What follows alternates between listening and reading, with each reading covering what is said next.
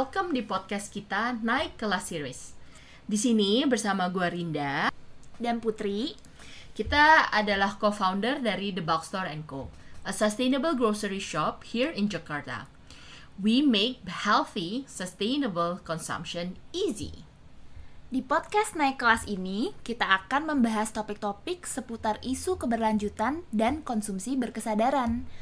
Podcast ini cocok buat kalian yang tertarik dengan isu sustainability, seperti gaya hidup minim dampak dan alami, circular economy, isu sosial, sampai ke degradasi lingkungan dan perubahan iklim.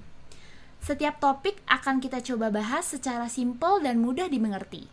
Selain itu, juga bakalan ada speaker-speaker yang seru pastinya yang akan join kita di banyak episode selanjutnya. Misi kita dengan podcast ini ingin membawakan dan mengenalkan gaya hidup berkelanjutan yang mungkin membingungkan atau bahkan menyeramkan bagi banyak orang ya, menjadi mudah dan menyenangkan, serta mendiskusikan solusi-solusi yang ada.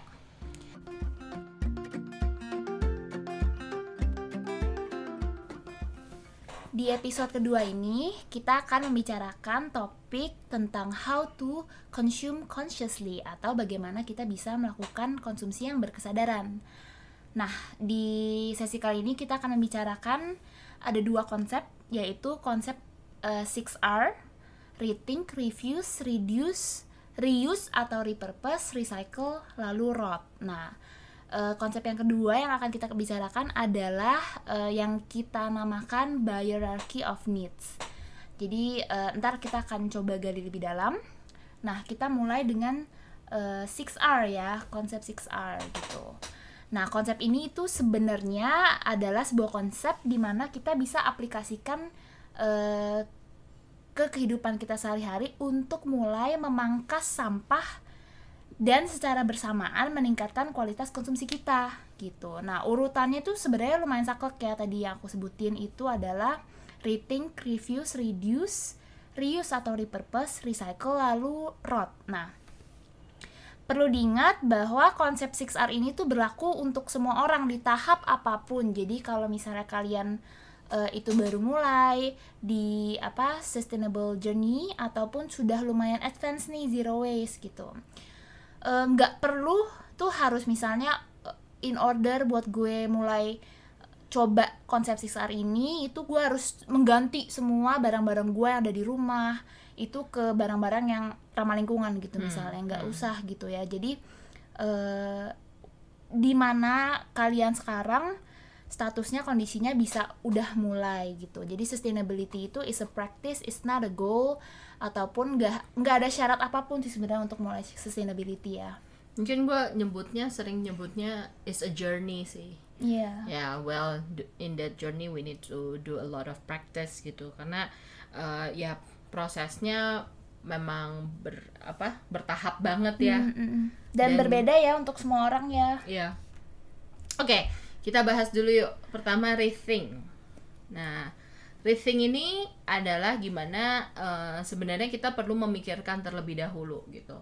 Jadi basically sebelum kita mau belanja sesuatu kita pause dulu dan kita coba pikirkan lebih mendalam. Do I really need this? Apakah ini hanya impulse buying aja atau memang ini adalah uh, yang jadi lu, lu bisa memisahkan apa itu benar-benar wants, apakah eh itu benar-benar needs ataukah apakah itu wants sebenarnya.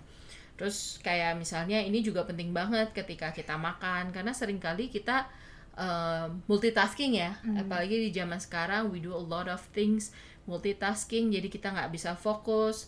Sometimes kita makan sambil balas WhatsApp atau sambil mesen bahkan mm. suka kan sambil justru lunchtime itu masa-masanya orang-orang pada belanja online biasanya gitu kan. Dan jadi uh, sering kali kita jadi nggak mindful. Nah, mm-hmm. practicing mungkin sebenarnya lapar perut tapi di lapar iya, mata juga exactly, ya. Gitu. Exactly. Jadi uh, ya sering kali we have to take a pause and rethink terlebih dahulu gitu. Dan selain itu uh, juga rethink ini ber, berlaku juga misalnya untuk our monthly groceries belanja belanja mm-hmm. kita emang udah regular itu kan sebenarnya sebelum belanja biar kita nggak impulsif kita bisa bikin listnya dulu. Sebenarnya apa sih yang dibutuhkan? Dicek lagi yang ada di rumah yang ada di pantry misalnya. Jadi dibutuhkan planning yang matang-matang. Dan ini terkait juga mungkin terkait sama budgeting misalnya, apakah benar-benar bisa ses bisa aku keluarin bulan ini atau lebih baik bulan depan karena tiba-tiba ada kebutuhan sesuatu yang lebih prioritas misalnya untuk anak, untuk kesehatan diri sendiri atau apa pun kan kita nggak pernah tahu ya. Jadi rethink is actually an exercise itu adalah yang paling pertama ketika itu adalah take a pause dan benar-benar memikirkan lagi apa yang sebenarnya pengen kita belanjain sebelum kita konsum. Menurut Betul. Jadi eh, apa pun sih sebenarnya yang udah jadi kebiasaan pun itu perlu di rethink gitu. Misalnya kita kebiasaan nih jajan sesuatu. Itu bisa dipikirkan kembali sebenarnya butuh apa enggak, sehat apa enggak sih sebenarnya buat kita. Jangan karena udah kebiasaan setiap hari gue pasti harus beli ini, gue gue pasti harus jajan ini di kantor gitu misalnya gitu. Eh, di sinilah saatnya kita bisa coba mengakses kembali gitu ya kayaknya nggak butuh-butuh amat deh atau bisa diganti dengan sesuatu yang lebih sehat Ya. yang lebih ramah lingkungan mungkin belanja secara bulk Ya, eh, ya. snack-snacknya jadi tidak usah pakai kemasan gitu Ya, ya, ya. Nah untuk eh, barang-barang misalnya selain groceries atau makanan seperti fashion aksesoris ataupun barang-barang hobi itu juga eh, ada satu trik ya yaitu ketika kita pingin beli sesuatu, sesuatu barang itu jangan spontan langsung Hmm. add to cart atau jangan Iya, iya, iya, spontan iya, langsung beli gitu ya ke kasir. Tapi eh, sesuatu barang-barang ini kan sebenarnya bukan yang urgent ya bisa aja kita tunggu dulu nih tiga hari empat hari atau sampai seminggu di bawah tidur lah gitu istilahnya untuk kita lihat apakah sebenarnya kita masih mikirin barang tersebut gitu jadi kalau benar-benar kita masih mikirin sampai udah seminggu lewat pun berarti mungkin itu kita suka banget ataupun kita butuh banget Hmm. gitu jadi itu eh, satu trik yang bisa dicoba ya gitu.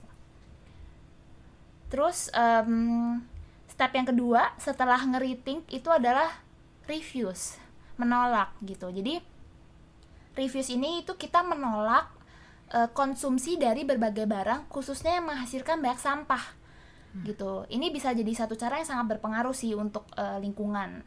Jadi setelah kita tadi reading memikirkan kembali apa sih sebenarnya yang kita butuhkan atau eh, kita butuhkan apa enggak sih eh, barang ini secara spesifik ya. Dan again setiap orang itu beda-beda ya dari misalnya tempat tinggalnya, eh, budayanya, keluarganya, pekerjaannya. Jadi nggak bisa bilang kalau oh semua orang eh, harus beli botol minum tumbler gitu supaya go green gitu. Nggak semua orang.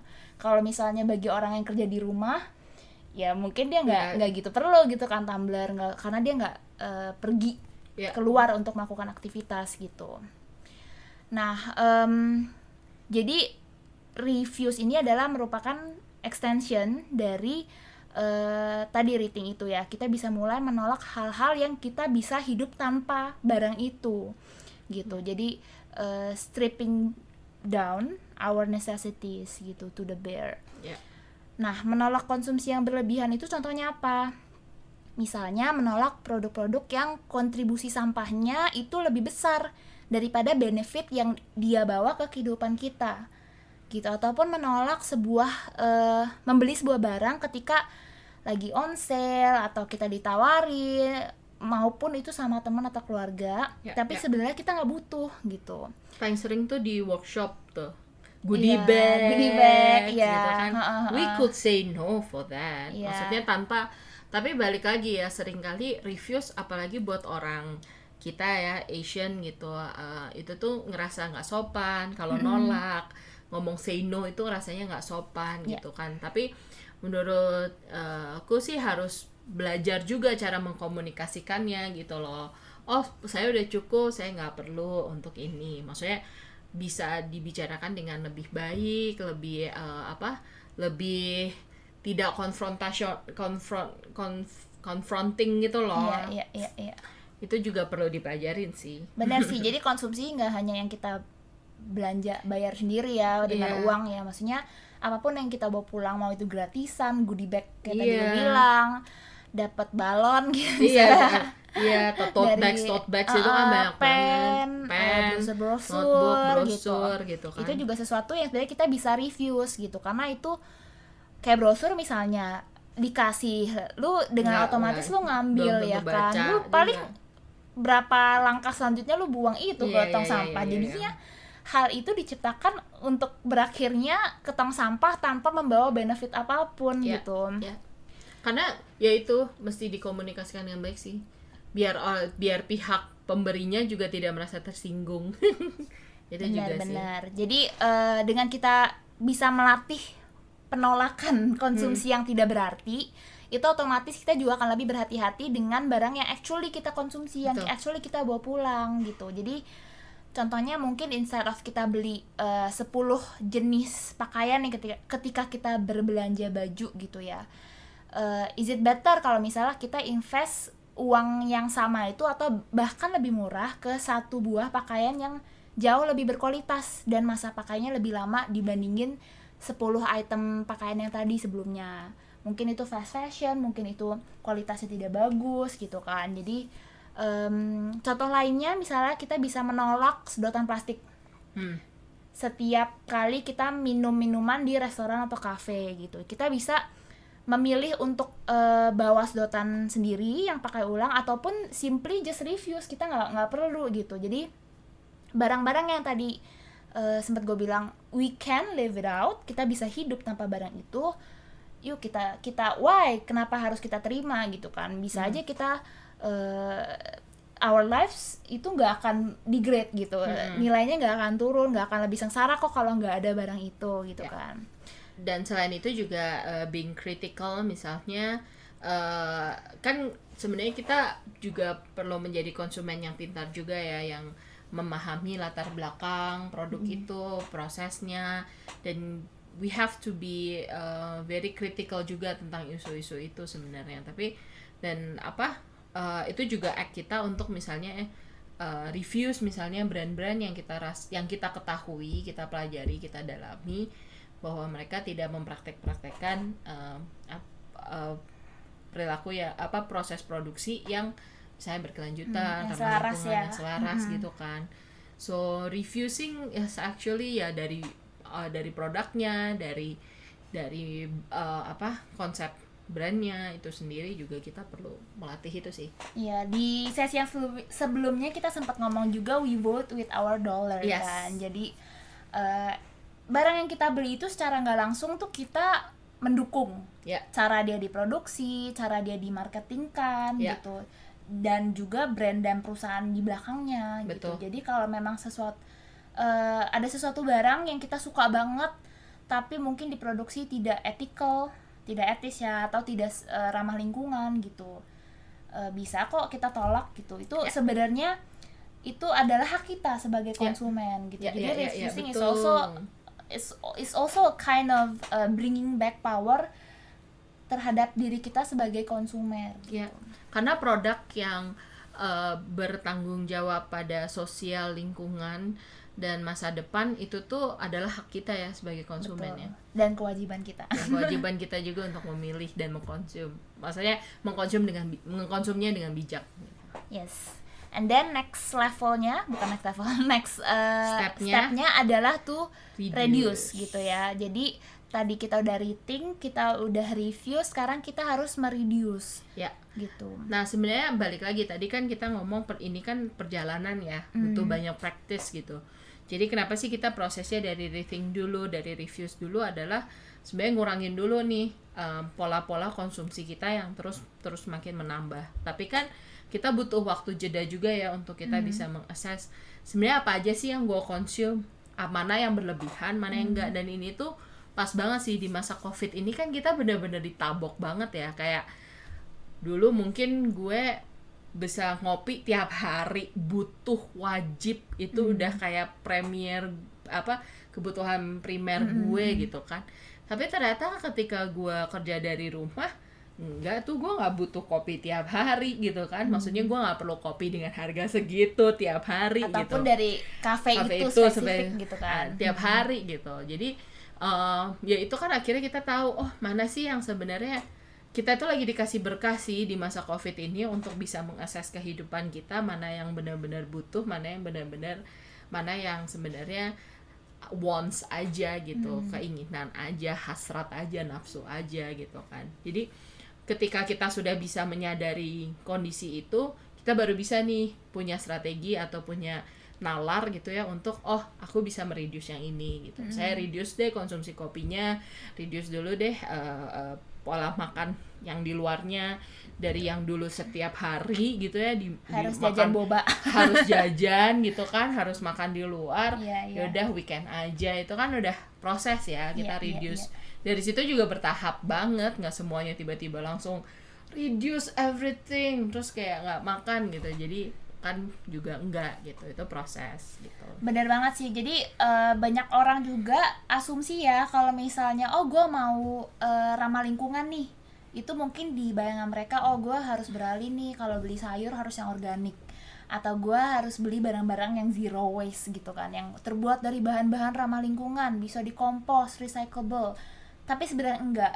Kalau kita ngikutin konsep ini sebenarnya itu bakal jauh lebih money saving daripada lu Ya, hidup ya, ya, ya. as usual gitu dengan cara eh, kita menghemat sumber daya alam itu juga kita secara tidak langsung menghemat uang kita sendiri juga contohnya tadi kan kayak kita daripada beli eh, 10 item yang fast fashion ya kita bisa mendingan invest ke ba- ke baju pakaian yang satu aja tapi tuh kualitasnya bagus dan tahannya lebih lama Iya. gitu Bener. Nah, di step yang kali ini kita mereduce itu adalah sebenarnya mengurangi hal-hal yang benar-benar hanya menghabiskan uang tapi tidak memberikan nilai ke kehidupan kita gitu. Ya, ya, ya.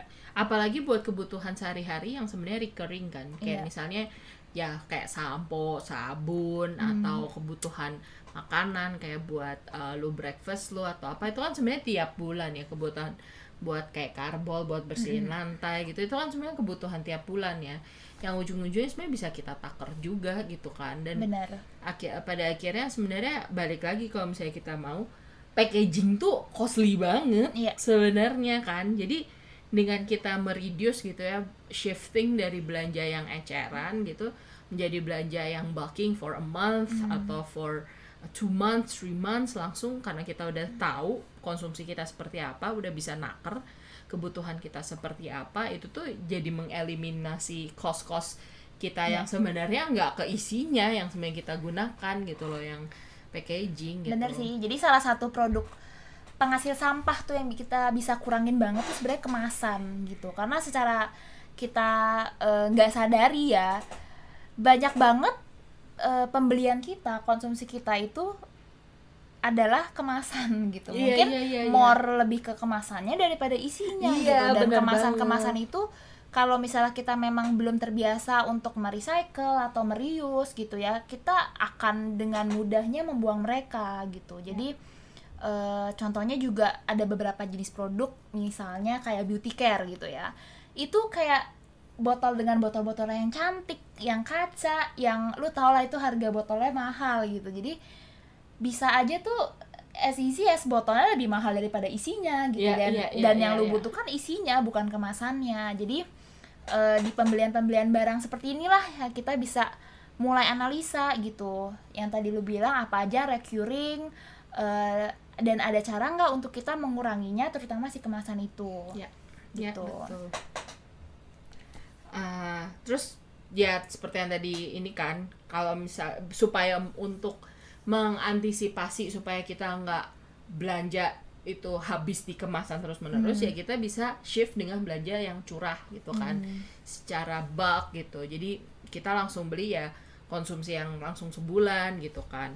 Nah dan ini kan eh, mungkin bisa juga diterapkan dengan produk-produk yang kemasannya kita bisa eh, bawa sendiri aja gitu. Belinya secara refill aja. Jadi ya kan tergantung juga ya. Mungkin kita ada yang oh gue mesti ngebudget nih. Budgetnya gue nggak bisa langsung cost besar di awal atau apa. Itu kan juga tergantung kebutuhan kita sehari-hari. Jadi bisa aja kita nyari yang bisa belanjanya secara refill gitu Iya, ya kita iya. bawa kemasannya aja jadi kita benar-benar literally gue cuma belanja isinya doang gue Hmm. nggak belanja packaging lo gue nggak belanja branding lo gitu Iya, iya, iya. karena kayak misalnya uh, in the fast fashions I mean in the branded goods Hmm, the cost of the products iya. itu cuma 10% Iya. dari dari apa yang lu beli gitu ya. kayak kayak Hmm. misalnya si si sepatu lu gitu kan itu cuman cost cost produknya itu cuma 10% sedangkan yang lu beli kan 100% 90% nya itu distributionsnya Marketingnya, terus marketingnya kemasannya. brandingnya kemasannya gitu Iya. kan jadi ya ya itu sebenarnya yang juga kita perlu consider menurut gua eh, orang-orang zaman sekarang makin pintar sih kayak kita udah lumayan tidak terbutakan oleh yang namanya brand ya kalau dulu mungkin kita kayak beli sesuatu karena brandnya bagus cuman sekarang kayak udah makin lebih kritikal ya. Ya. jadi kita benar-benar lihat kita pegang kita lihat bahannya itu apa bagus atau enggak produksinya jahitannya dan lain-lain gitu. Jadi memang ke arah arah inilah gitu kita harus melangkah gitu loh. Ya. untuk menjadi konsumen yang lebih pintar. Betul. Sehingga kita bisa mereduce gitu jadi benar-benar mereduce ini ya tentunya dengan set- apa mengurangi apa yang saya memang semesti sebenarnya kelebihan gitu ya dari kehidupan kita tapi juga mereduce cost-cost yang sebenarnya nggak perlu juga gitu Mm-mm. Nah, eh, untuk kalau misalnya barang kebutuhan sehari-hari nih yang recurring gitu ya, bisa juga tuh kita mulai lebih apa riset lebih dalam sebenarnya kayak misalnya karbol atau pembersih ya cairan pembersih dan lain-lain itu sebenarnya berapa sih yang kita butuh gitu kan? Kayak sabun cuci baju gitu misalnya buat mesin cuci. Untuk satu loading baju gue itu sebenarnya butuh berapa gitu. Kalau misalnya as advertise disuruhnya itu bisa satu cup. Tapi sebenarnya untuk membersihkan lah kita kan bukan kerja di lahan pertanian ya nggak kotor-kotor amat gitu ya Eh, sebenarnya cuma butuh dikit doang kok gitu Eh, hanya efeknya aja sih kalau banyak itu bikin lu kayak ngerasa bajunya bersih gitu sebenarnya busa itu udah bukan berarti bersih iya gitu. sama juga halnya kayak odol dulu tuh kalau lu lihat kayak apa eh, iklan pasta gigi itu kan selalu mereka selalu squeeze eh, pasta giginya itu selebar Gede banget. selebar Selebar sih, iya. jadi Iya, sebenarnya iya, iya. kalau kata dokter gigi gue aduh itu mah hanya advertising aja supaya si odol lu tuh cepet habis dan lu jadi beli lagi gitu tapi sebenarnya lu cuman butuh setotol gitu doang Iya, lu cuma butuh pea size gitu. Jadi kayak em again ini juga hemat tapi akhirnya saving money juga sih buat Bener, kita bener, gitu. bener, Dan bener, bener. kayak that extra uh, pea size odol di atas sikat gigi lu nggak akan membantu gigi lu lebih bersih, udah cukup yang Iya. sebelumnya gitu kan. Hmm. Baik, sekarang yang keempat yaitu reuse or repurpose. Nah, setelah kita tadi kan kita udah mencoba mereduce ya, mengurangi apa segala macam, sebenarnya kita bisa lebih mengurangi lagi dengan menggunakan ulang apa yang kita punya kan sering kali kayak misalnya tadi lu bilang kemasan gitu.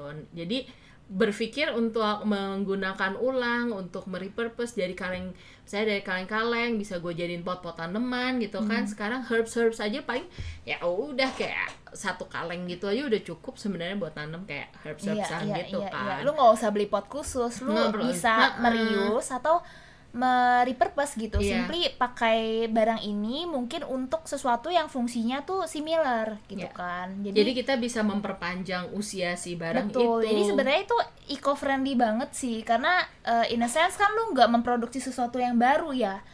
Lu hanya memaksimalkan uh, karya dari si barang ini gitu. Iya, Jadi iya. sebenarnya ini sangat hijau gitu ya. dan sebenarnya strategi ini adalah gimana kita um, memper memperpanjang usia produk itu di apa di masa gunanya dengan kita sebelum itu terbuang ke sampai ke TPA Betul. dan diproses yang kita belum tahu ya saya secara bertanggung jawab atau enggak gitu kan di TPA sebenarnya sih ke sana juga gitu. Kayak misalnya kaos bahkan kayak misalnya barang-barang lama kita gitu ya kaos-kaos yang udah buluk banget gitu itu ya ya udah bisa di repurpose lagi buat jadi kepel gitu kasar-kasarnya. Atau Iya. bahkan kita bisa gitu bikin kayak eh, kreatif eh, activity gitu dijadiin tas dari t-shirt gitu kan.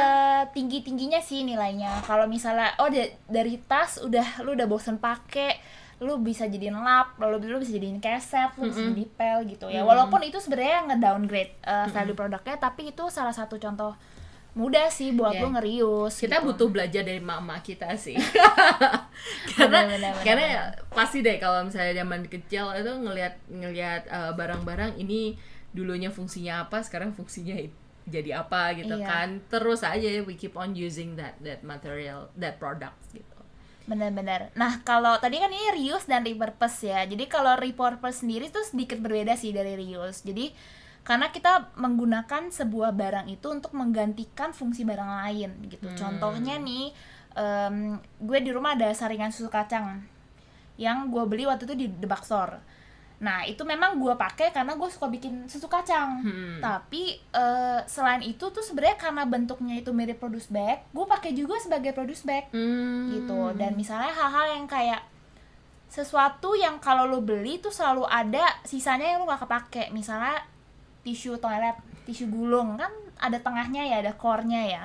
Itu lo bisa pakai juga, misalnya gue pakai itu buat nge-organize eh, alat tulis gue di kantor atau di Hmm. rumah gitu. Nah, eh, hal-hal kayak gini tuh sebenarnya di internet juga banyak lah tips-tipsnya gitu yang yang unik banget, kreatif banget, luar biasa banget lah untuk merius barang-barang yang kalau kita lihat tuh biasanya oh ini udah pasti sampah, tapi ternyata dia bisa jadi sesuatu yang wow Iya, banget iya, gitu. iya, iya. Kayak Sesuatu yang ordinary gitu ya. berarti sebenarnya kalau reuse itu kita menggunakan ulang kan Menggunakan dengan ulang. sesuai fungsinya. Jadi misalnya kayak gue waktu itu kayak beli eh, beli sampo gitu ya, Mm-mm. tapi eh, ska- ya sampo mahal sih. Jadi botolnya kaca gitu kan. Terus tapi gue suka banget sama desain botolnya gitu. Jadi ya udah gue repurpose itu lagi as my botol sampo gue gitu Iya, kan. iya, itu iya, kan berarti iya, gue iya. reuse. Iya, nah, iya. kalau gua repurpose kan kayak misalnya lu tadi gitu Iya, kan iya. yang sebenarnya fungsi awalnya mungkin packaging terus gue bisa gunain misalnya untuk uh, Organizing. organizing gitu Betul, kan hal-hal kayak betul. gitu jadi so that's the bedanya ya tapi intinya kita memperpanjang uh, fungs uh, apa kegunaan dari produk itu menjadi lebih lama nggak cuma sekali pakai aja ya memaksimalkan lah produk ini gitu. Ya. Jadi eh, untuk reuse dan repurpose ini sendiri sebenarnya lumayan mengandalkan kreativitas kita sih. Gitu. and but that's the fun of it gitu loh. Iya, untuk orang yang crafty ya. untuk Iya, orang yang iya. crafty tuh pasti suka banget dengan hal-hal yang kayak oh reuse ini, reuse itu Ya. gitu. Tapi sebenarnya eh, itu sesuatu yang secara logis itu juga sangat beneficial sih gitu kan buat kita sendiri mungkin kita jadi nggak usah beli barang sebanyak itu gitu dan kita jadi sampahnya juga nggak numpuk gitu kan gitu nah nextnya eh, setelah reuse dan repurpose adalah recycle. Nah ini mungkin kata-kata kesukaan banyak orang ya ketika dia Iya, iya, iya. ngecemplung ke sustainability gitu. Yuk eh, recycle ini yuk recycle itu. Ataupun kita beli sesuatu eh, dengan alasan bahwa ini kan bisa di recycle gitu ya. Tapi sebenarnya recycle itu kenapa ada di step nomor 4 karena eh, nggak semua barang tuh bisa di recycle Betul. ya. Dan nggak semua barang walaupun bisa di recycle itu akan di recycle karena kan proses eh, lu buang sampah sampai itu di recycle kan banyak banget tuh diangkut sama pemulung ataupun sama eh, sistem pemilihan sampah di yang berbeda-beda ya di setiap negara pastinya. Dan juga dilihat nilainya ini worth it nggak sebenarnya buat di recycle kalau misalnya kantong kresek yang udah kotor ya walaupun kita bilang oh plastik kan bisa di recycle gitu tapi kantong kreseknya udah kotor udah berminyak mungkin bekas eh, nasi Nggak bisa nasi sih, uduk gitu atau apa eh, nggak bisa di recycle juga karena Ya. ternyata lebih mahal ngebersihinnya daripada nge-recycle-nya Betul. gitu Jadi ya recycle ini sebenarnya terms technical banget sih. Eh, Banyak orang yang bingung dengan recycle. Kalau recycle tuh apa sih?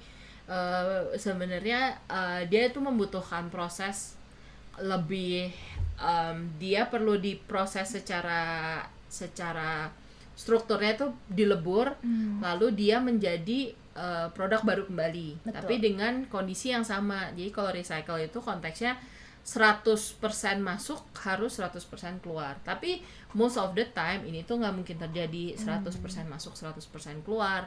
Jadi nggak mungkin sama seperti eh, material awalnya. Kayak misalnya eh, botol plastik gitu ya dia nggak mungkin hasilnya 100% botol plastik itu karena proses recycling ini juga ada terjadi downcycling iya namanya iya iya iya downcycling itu adalah ketika eh, ya material ini dia menjadi kualitas yang lebih rendah. kebanyakan gitu. sih kayak gitu Kebanyakan ya gitu. karena misalnya sulit banget kalau lo mau milah sesuatu yang pure hanya plastik jenis ini dengan warna ini baru bisa di recycle muncullah dengan warna yang sama kualitas Iya. yang sama gitu jadi menurut eh, kita sih recycling itu seperti itu agak mimpi ya sebenarnya ya karena contohnya sendiri di Indonesia em, plastik ya kalau kita bilang oh plastik kan bisa di recycle air minum dan lain-lain gitu ya tapi rate eh, plastik yang didaur ulang sendiri tuh nggak nyampe 10% Nggak nyampe bahkan dari yang terbuang aja cuma 14% loh yang ke recycle.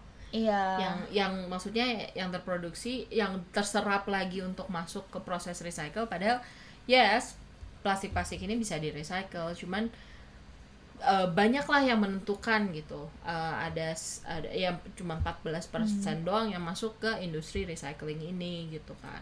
Dan lagian kalau kita recycling artinya kita butuh eh, sumber daya alam baru, energi baru untuk memproses si sampah ini jadi sesuatu produk yang Betul, baru betul. gitu. Jadi memang kalau bisa kita eh, rating, kita nggak perlu ya jangan beli. Kalau bisa dikurangi, dikurangilah kuantitinya. Lalu kalau bisa kita pakai ulang, dikaryakan sebelum kita buang, karyakanlah semaksimal mungkin sebelum akhirnya kita recycle Ya. gitu. Jadi ini step by step urutannya memang eh, untuk mengeliminasi dari core-nya gitu ya, dari Ya. akar-akarnya. ya itu sebabnya kita naruh ini juga setelah we've done everything ya Eh, rethink, refuse, reduce sama eh, apa reuse Ya. dulu kan Mm-mm. karena sebenarnya it's not easy to recycle gitu Benar banget. Nah, juga ada beberapa barang yang kalau kita beli eh, kemasannya itu nggak bisa di recycle, kayak contohnya aluminium foil atau kemasan-kemasan yang multi di- multi layer tuh eh, multi layer, jadi mix materials gitu, kayak misalnya kertas dilaminasi sama plastik ya. Ini kan banyak banget ya, terutama kayak di kotak-kotak makanan take away itu kan kebanyakan dengan bahan ini. Jadi eh, karena material bahannya itu yang compostable dan non compostable sudah jadi satu, itu sebenarnya nggak bisa di recycle Iya. gitu. Nah, em, untuk kayak di periode pandemi sekarang juga kan banyak banget yang namanya sampah medis ya. Sampah B3 ya sebenarnya termasuk Iya, ya, B3. sampah masker atau sampah dari rumah sakit gitu. Sampai ke sampah elektronik gitu itu sebenarnya perlu penanganan khusus dan Iya. dibuang terpisah supaya nggak membahayakan ekosistem karena dan kesehatan. dia terhitung toksik ya Betul. jadi butuh penanganan khusus untuk itu Jadi penting banget nih saat kita beli satu barang, eh, kalau bisa kita sudah bisa membayangkan barang ini kalau udah habis itu kemasannya bisa kita jadikan apa ataupun kalau eh, nggak bisa dijadikan barang lain pun kita bisa tahu ini bisa di recycle atau enggak Ya. gitu. betul yang keenam Lima. keenam eh kan terakhir enam Oh iya ya. ini udah keenam rot Bentar-bentar recycle. Oke, yang keenam. Nah, kalau ini kan sebenarnya proses membiarkan itu busuk ya. Nah, sebenarnya ini bisa diterapkan ya ketika kita sudah bisa hanya bisa dilakukan untuk produk-produk eh, apa produk-produk atau sampah-sampah atau sisa-sisa eh, yang organik. Ya. Karena ya cuman yang organik doang yang bisa dikompos, bisa Betul. rotting, bisa memproses pembusukan. Jadi idealnya sih sebenarnya sampah apa pun yang kita nggak bisa pakai ulang, nggak bisa di recycle, harusnya at least kita bisa kompos, Ya. gitu. Tapi kan di realitanya tidak seperti itu. Jadi memang eh, rot ini juga bersamaan dengan yang namanya replace gitu. Ya. Jadi kalau memang kita nggak bisa eh, kompos, eh, ya udah keputusan akhirnya kita ganti kalau memang kita butuh yang baru gitu ya tapi itu harusnya last resort nih ketika kita mau eh, mencoba beralih ke konsumsi yang lebih berkesadaran pastinya kita akan eh, mem- memutuskan untuk bahwa barang ini bisa kita kembalikan ke alam ataupun kita recycle kayak tadi step sebelumnya gitu ya. Nah eh, untuk rot tadi udah dibilang ya jadi memang khusus untuk sampah-sampah organik. Ini juga lumayan sebuah tren ya kayak akhir-akhir ini. Banyak banget yang udah mulai mengompos senang banget ya. Jadi kita juga di di Boxer sendiri kita juga jual komposter. Kita juga melihat bahwa orang-orang udah bahkan yang nggak tinggal di rumah ya tinggal di apartemen mereka nggak nggak segan-segan nih untuk mulai mengompos gitu. Walaupun eh, nggak ditaruh di lahan istilahnya Iya, iya, harus iya, taruh iya. di tempat dekat mereka tinggal Ya, biasanya. Karena biasa kalau apartemen masih ada balkon sih. Kan jadi biasanya si komposternya itu bisa ditaruh di situ. Dan sekarang juga desain komposter-komposter juga udah mulai keren-keren lah ya yang bisa eliminate baunya. Jadi nggak terlalu obvious gimana banget itu ada. Tapi ya ada kualitas ada harga juga sih ya gitu. Tapi ini hal yang menarik. Kenapa sih kita mesti ngebawa composting kan meskipun organik ya sebenarnya di TPA dia juga rotting juga kan rotet juga kan. Benar, kalau Kenapa sih misalnya dia- harus demo bisa composting atau rottingnya itu dari kita gitu prosesnya? Jadi dulu sendiri gue juga sempat merasa gitu. Kalau misalnya kayak misalnya nih gue buang kulit pisang ya kan ya dicampur aja sama plastik nggak apa-apa. Toh dia juga akan busuk, Busuk, gitu kan. tapi eh, pada realitanya ketika si kulit pisang ini gue buang terus diangkut nyampe ke TPA atau landfill itu kan dia gabung tuh sama plastik. Sedangkan ketika si bahan yang organik ini dia mau membusuk lalu digabung dengan bahan-bahan yang anorganik itu dia tidak bisa membusuk dengan sempurna gitu. Hmm. malah menyebabkan racun gitu gas metan. Jadi eh, kenapa kita butuh composting ya? Karena ini gitu karena kita butuh memilah si organik dan membiarkannya busuk dengan cara yang benar gitu. Jadi kita eliminate uh, si organik ini yang kita tahu bisa membusuk dengan lebih baik uh, tidak di dalam lingkungan TPA itu mengeliminate se- jangan sampai mereka sampai TPA ya. Benar jadi benar. justru ya udah langsung diserap aja dan itu tuh kompos yang dari sisa-sisa makanan itu ya itu tuh nutritious banget. Jadi kayak biasa urban gardening gitu ya kalau kita do gardening ya justru kompos-kompos itu tuh yang paling tanaman paling seneng. Ya, ya, jadi ya, kalau ya. misalnya kayak gue bikin tapi kan kita kan produce banyak banget ya. Kalau nggak Hmm. punya lahan tuh kan banyak banget teman gue itu dia jualan uh, apa tanaman hias gitu Hmm. dan dia tuh senang banget terima kompos kompos kalau yang dari rumahan ini jadi apalagi buat teman-teman yang udah mulai uh, ngelakuin composting di masa pandemik ini bisa nih mulai nyari teman-teman yang atau tanaman-tanaman hias yang kayak terubus-terubus di tengah jalan itu nggak tahu Iya, sih iya, iya. itu tuh biasa tuh suka suka tuh terima kompos komposan gitu coba aja ditanyain sih menurut gue Iya, jadi kompos sebenarnya cara lumayan mudah sih buat kita mulai di rumah. Eh, bisa mengurangi sampah-sampah yang kita kirim ke TPA gitu. Nah, eh, sama halnya seperti tadi kayak kita recycle ya.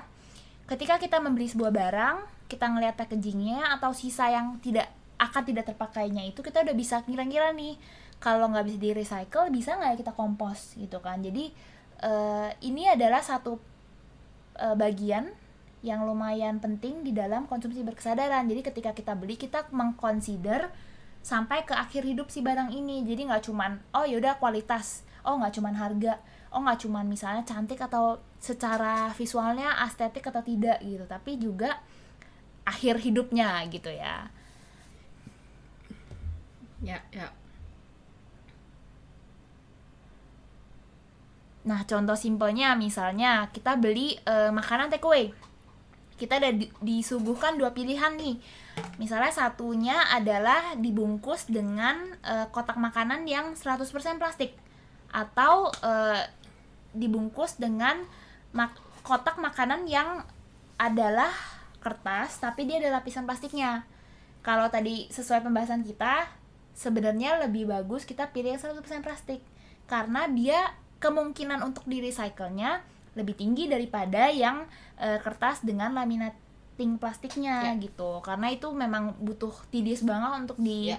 dipisahkan dan nggak ada nih secara sekarang nih nggak ada nih waste management company yang mau melakukan itu itu Betul. terlalu ribet sih dan tidak tidak bernilai lah gitu jadi ya ini juga sebenarnya eh, buat sharing juga masalah yang jadi masalah bukan plastik is bad ya Iya. but the plastic waste is bad gitu jadi kita mesti mesti pinter juga plastik seperti apa eh, kritis juga plastik seperti apa yang digunakan untuk packaging packaging kita. Karena memang ya kalau misalnya dia bisa 100% dan bisa di recycle itu jauh lebih baik gitu kan daripada yang terlihatnya sepertinya sustainable tapi sebenarnya nggak sustainable. Karena dia multi layered nggak bisa dilep nggak bisa dipisah nggak bisa di recycle kayak gitu. Gitu nah kalau kita disuguhkan alternatif lain misalnya dengan daun pandan. Eh daun daun pandan. pisang. Daun pisang. Daun pandan mah kecil dengan banget. daun pisang gitu ya dibungkus makanannya ya itu jauh lebih jauh lebih baik. lebih baik lagi bisa tinggal kita kompos gitu. dan kayak budaya-budaya apa budaya-budaya kita tuh kan ya daun dengan pakai daun daun jati daun pisang terus daun janur itu kan udah bisa kayak ngebungkusnya macem-macem gitu men- mo- mo- apa metode-metode lipatan-lipatan tuh banyak oh besek Iya, juga iya, iya, bisa iya. jadi Jadi another yang option rotan yang dedaunan Ya. gitu ya, ya. Nah, ini eh, sum up ya, kita punya konsep 6R gitu.